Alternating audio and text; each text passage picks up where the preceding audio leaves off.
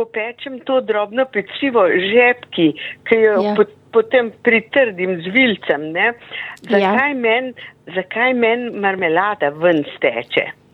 Ali je preredka, ali moram jaz marmelado zgostiti s kakšno stvarjo, pa imam gosto marmelado, pa kljub temu meni steče pri peki marmelada. Pogleda ven. ven, ja. Rada Ja. pogleda ven, tudi drugače pri kakšnih zavitkih se tole dogaja.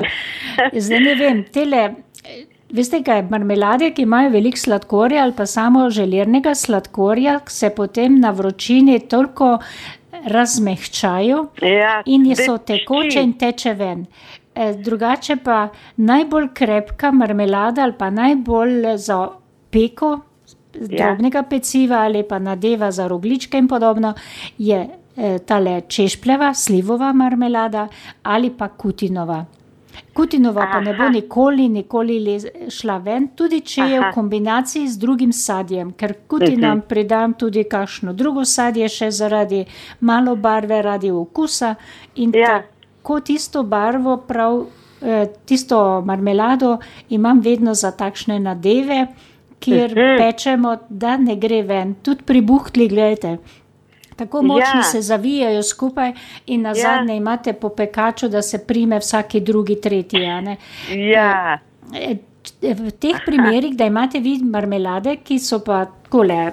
Pol pri peki tako obnašajo, je pa dobro, če jih mehko zgostite.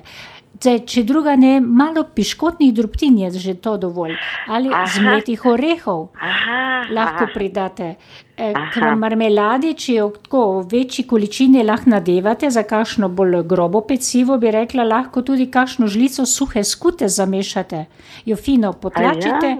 pa med Ja. marmelado in je tudi en taki lep Da marmeladni zgosti, da, da zadrži, ja, Eh. da jo zadrži, da ne steče ven.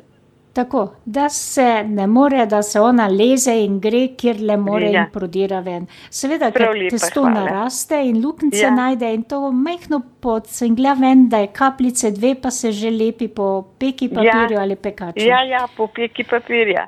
Pol no, skušajte steče. malo eh, zgostiti marmelado, če ne drugače.